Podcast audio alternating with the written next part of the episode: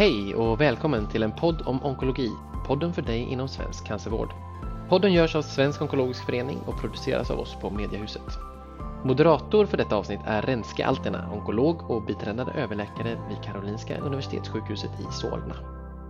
Nu sitter jag med Roger Henriksson och um, vad, uh, vem är du, var, var jobbar du och vad bevakar du här på ESMO?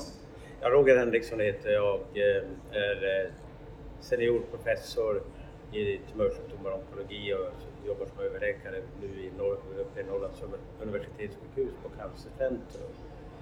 Eh, och eh, det som jag är här nere, det är ju inte mitt första möte. Jag var i slutet av 80-talet på mina första ESMO ASCO-möten. Alltså jag, jag har varit med och sett en hel del om utvecklingen. Och nu bevakar jag eh, tillsammans med en ST-läkare inom ramen för post-ASCO-mötet som Sveriges klinikchefer och Cancerakademin har tagit initiativ till. Mm. Och då bevakar vi just hjärntumörer, jag och den här ST-läkaren. Det var ett fokus på men jag går på mycket annat också, på mycket mm. andra spännande saker. Mm. Vad, eh, om vi fokuserar på hjärt, du får sen också berätta vilka andra spännande saker du har sett, men med fokus på hjärntumörer, vad har varit mest intressant hittills? Ja, hjärntumörer, och där är ju huvudsakligen den vanligaste tumörformen glioblastom som ju har en ytterst dålig prognos egentligen. Men det är så roligt att se att det händer någonting där. Och nu var det på ett par spännande eh, session igår Eh, som bland annat handlade om NGS och hur man hade fört över eh, nu eh, användningen av NGS i, vid högmaligna gliom. Och då ser man ju att man har sådana här targetmolekyler som mycket väl kan använda, mycket väl kan använda de kända målmolekylerna som vi har för behandling av andra tumörer. Mm. Men problemet då är ju att eh, glioblastomer ligger ju oftast bakom blod-hjärnbarriären blod-tumörbarriären och det är utmaningen, hur ska man få in eh, läkemedlen dit? Och då var det en annan eh, del i den här sessionen som handlade om radiomics och som kunde visa med hjälp av olika bildanalystekniker just också att det finns möjligheter att kunna angripa tumören och, och att radiomics då kommer att vara en väldigt väsentlig del när man ska ta ställning och beskriva tumören vid diagnostik men också då för själva behandlingen. Eh, så det är ju väldigt intressant. Och sen var det en mindre studie som just utnyttjade de här nya molekylerna som har kommit fram, bland annat fibronektin, där man kunde se väldigt positiva effekter i en liten studie men ändå intressant. Mm. Så det är väl det som är så roligt att se, att jag som har jobbat med maligna hjärntumörer under lång tid, att kanske händer någonting här också med hjälp av den här nya kunskapen. Ja, och då är, är, är nyckeln nya diagnostiska metoder egentligen? Ja, som NGS, ja. som NGS och även Radiomic som kommer på andra ställen, kommer att hjälpa oss. Eh, men sen är det ju då att hur tackla den här utmaningen med att det här ligger ju, hjärnan är ju skyddad, biologiskt skyddad egentligen ja. från övriga delar utav kroppen. Ja, ja. ja. Och inom andra tumörområden, för du sa att du har sett andra spännande saker också här ja, på ESMO. En av de kanske mest spännande sakerna som jag hittills har upplevt på konferensen är att eh, det var en session och det var på presidentsessionen igår var det väl, att eh, man kopplar förändringar eller luftföroreningar via biologiska taget med IGFR-mutationer och IL-18 har man kunnat koppla ihop med luftföroreningar och eh, eh, det är ju någonting fantastiskt som man kan se eh, och utveckla det. Och att det skulle kunna vara en förklaring till varför icke-rökare i allt större utsträckning tycks få en lungcancer. Ja, men, men det där eh, talet från Charles Swanton var väl en av finaste talen vid hela ja. ESMO-mötet ja. hittills, eller ja. hur? Och det var, jag tycker faktiskt det är intressant därför att just det här med prevention tycker jag är någonting som är viktigt. Eh, eh, kanske det viktigaste jag tycker vi måste satsa på forskningen. Dels kostnadsaspekt men naturligtvis är det bättre för oss människor att inte drabbas av sjukdom om vi det.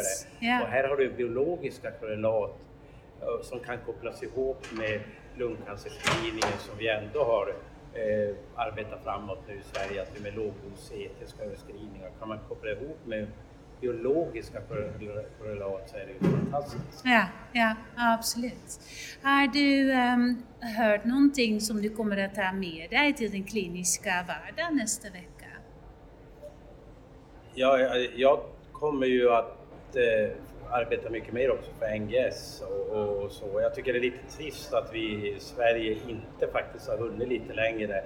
Men eh, olika tekniker för NGS tycker jag är viktigt och vi har ju de möjligheterna och bara förra veckan så pratade jag med en av de ansvariga för GMS och de säger nu att de har på gång någonting. Mm. Och kan vi få igång det så är det fantastiskt. Kan vi inte det så tycker jag att vi har ett ansvar också att utnyttja de privata initiativen som finns inom, inom det här området. För att det, det är inget snack om saken tycker jag. Med en NGS eller en bättre molekylär prioritering av tumören då kommer vi kunna ge en, öka effektiviteten med rätt behandling till rätt patient. Ja. Och det är inte patientens perspektiv. Samhällets perspektiv så sparar vi resurser ja. om vi kan få en rätt behandling från början. Ja, Nej, men det är oerhört viktigt ur ett jämlikhetsperspektiv och att, att vi verkligen ser till att alla patienter i hela Sverige får möjlighet att ha sina tumörer sekvenserade. Nej, det har du rätt i och det, det är väl en av de sakerna som jag också är väldigt, eh, eh, eh, ju äldre jag blivit, att titta just på den aspekten om rätt och rättvis behandling även ur ett socioekonomiskt perspektiv. Och det finns flera sektioner som tar upp det här. Ja. Och det är ju roligt att se att i det här ESMO har ju utvecklats enormt att det är ju massor med människor från andra kulturer än just eh, Västeuropa och som finns med både som presentatörer utav vetenskapliga eh, bidrag men också som deltar på sessionerna. Det är ju någonting som är väldigt bra. Ja. Och, eh, Sen som jag var inne på så tycker jag att prevention har fått väldigt stort utrymme nu i årets eh, ESMO ja. genom de här samarbeten som finns mellan EONS, alltså sjuksköterskorna mm, och ESMO mm.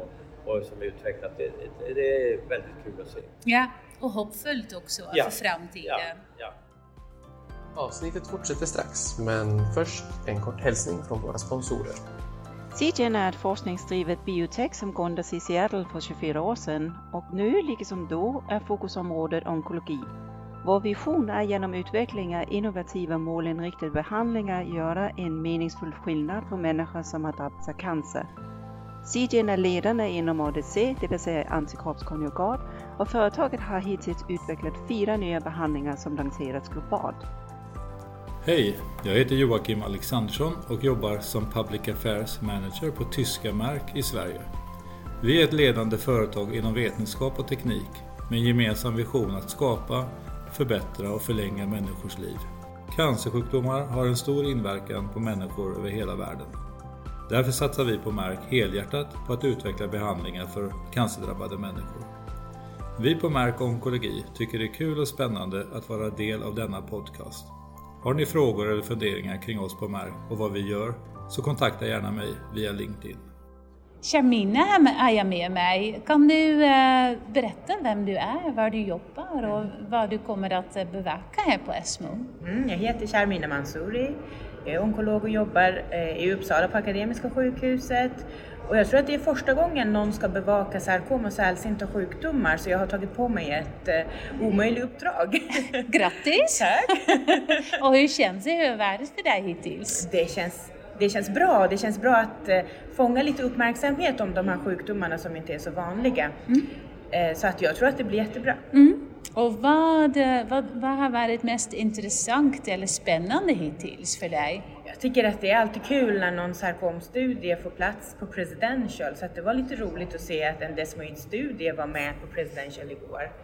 Eh, så det tycker jag är det som har varit mest spännande hittills. Ja. Hur många desmoid-patienter har vi i Sverige?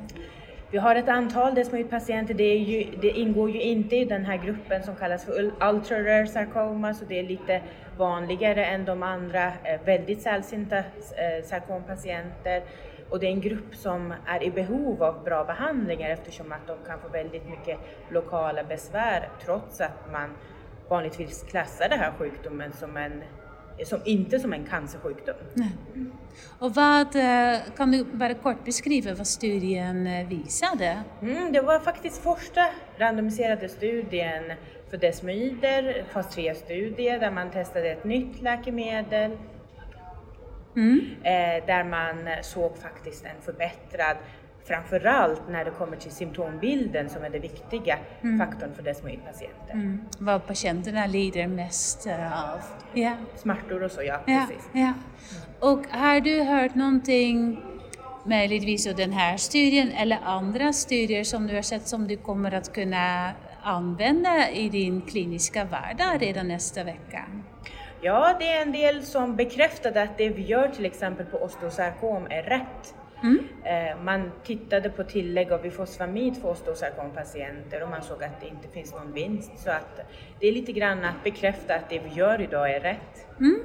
Det är alltid glädjande att höra att man är på rätt väg. Och ehm, vad, som sista fråga då, vad, vad är ditt um, modeord här på ESMO? Mm. Jag har ju förutom sarkom och sällsynta sjukdomar tittat en del på GI-föreläsningar och där var det väldigt mycket att less is more så att det hjälper inte att lägga på fler, fler behandlingar utan färre behandlingar kan även ge ganska bra resultat. Ja. Tack så mycket Ja, Carina. tack. Tack. Tack.